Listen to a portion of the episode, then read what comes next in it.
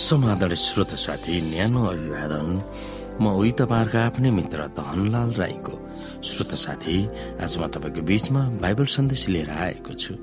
आजको बाइबल सन्देशको शीर्षक रहेको छ अहिले नै हामी पुनरुत्थान गरिएको स्वर्गमा उकालिएको र यसुसँगै सम्मानित भएको अवसर।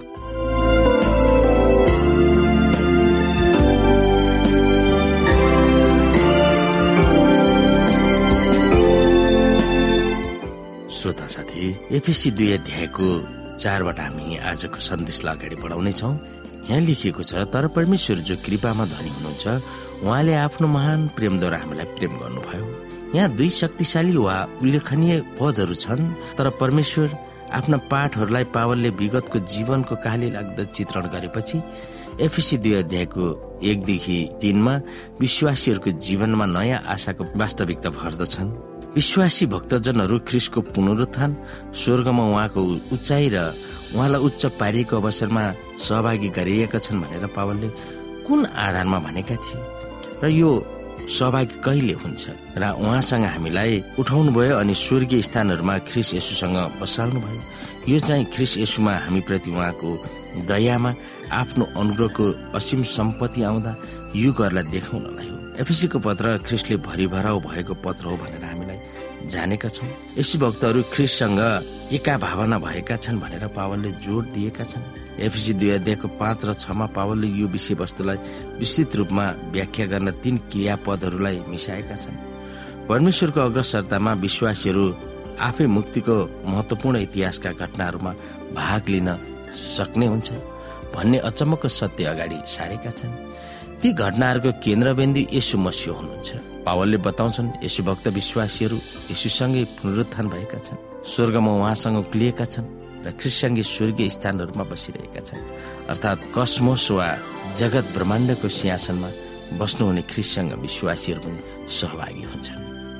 तिनीहरू यसुसँग उच्च पारिएका छन्। पावलको तर्कको शक्तिलाई सराहना गर्न हामी एफिसी एक अध्यायको उन्नाइसदेखि तेइसमा फर्किनु पर्दछ यसुको मृत्यु पुनरुत्थान स्वर्गमा उक्लाउनु भएको र उच्च पारिनु भएको सबै दुष्ट अलौकिक र गलत आध्यात्मिक तथा आत्मिक शक्तिहरूमाथि उहाँले विजय पाउनु भएको छ भनेर हामीले याद गर्नु आवश्यक छ।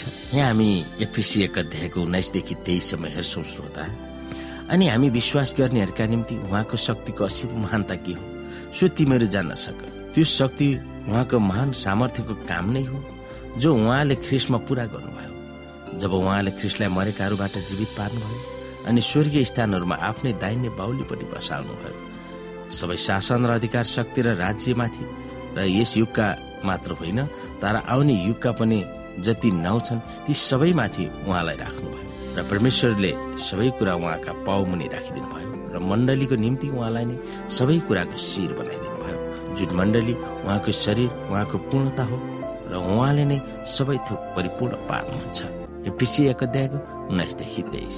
यहाँ एफिसी एक अध्यायको उन्नाइसदेखि तेइसमा फर्किनु पर्दछ यसुको मृत्यु र पुनरुत्थान स्वर्गमा उक्लिनु भएको र उच्च पारिनु भएको सबै दुष्ट अलौकिक र गलत आध्यात्मिक तथा आत्मिक शक्तिहरूमाथि उहाँले विजय पाउनु भएको छ भनेर हामीले याद गर्नु आवश्यक छ। ती शक्तिहरूले विश्वासीहरूको जीवनलाई दमन गरिरहेका थिए तर ती शक्तिहरूलाई यसुले नियन्त्रणमा लिइसक्नु भएको छ।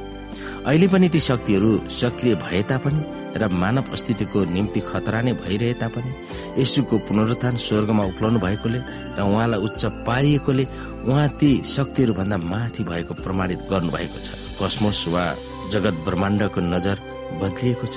विश्वासीहरू ती घटनाहरूको केवल दर्शक मात्र होइन तर व्यक्तिगत रूपमा र नजिकै समावेश भएका छन्।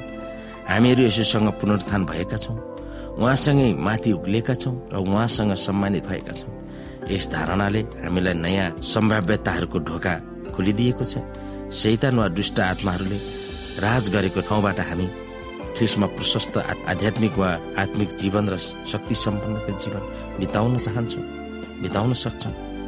अब हामीलाई डरको आत्मा होइन तर शक्ति प्रेम र आत्मा स्वयंको आत्मा दिनुभएको छ। हो किनभने परमेश्वरले हामीलाई डरको आत्मा होइन तर शक्ति प्रेम र आत्मा स्वयंको आत्मा दिनुभएको हामीले माथिका कुराहरूलाई हेरेको सन्दर्भमा यहाँ पावलले व्यक्त गरिएको भावनालाई हामी कसरी हेर्न सक्छौँ भनेर यहाँ प्रश्न चिन्ह खडा गरिएको छ। श्रोता साथी हामी यहाँ दुई तिमतीको साथलाई अन्तमा हेरौँ। यहाँ लेखिएको छ किनभने परमेश्वरले हामीलाई डरको आत्मा होइन तर शक्ति प्रेम र आत्मा स्वयंको आत्मा दिनुभएको छ। यिनै आत्मालाई हामीले हाम्रो जीवनमा पूर्ण रूपमा प्रयोगमा ल्याउन सक्दछौँ।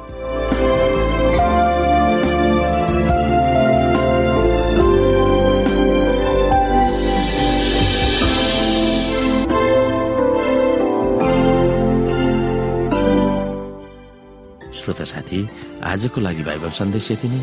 हस्त नमस्ते जय मसिंह।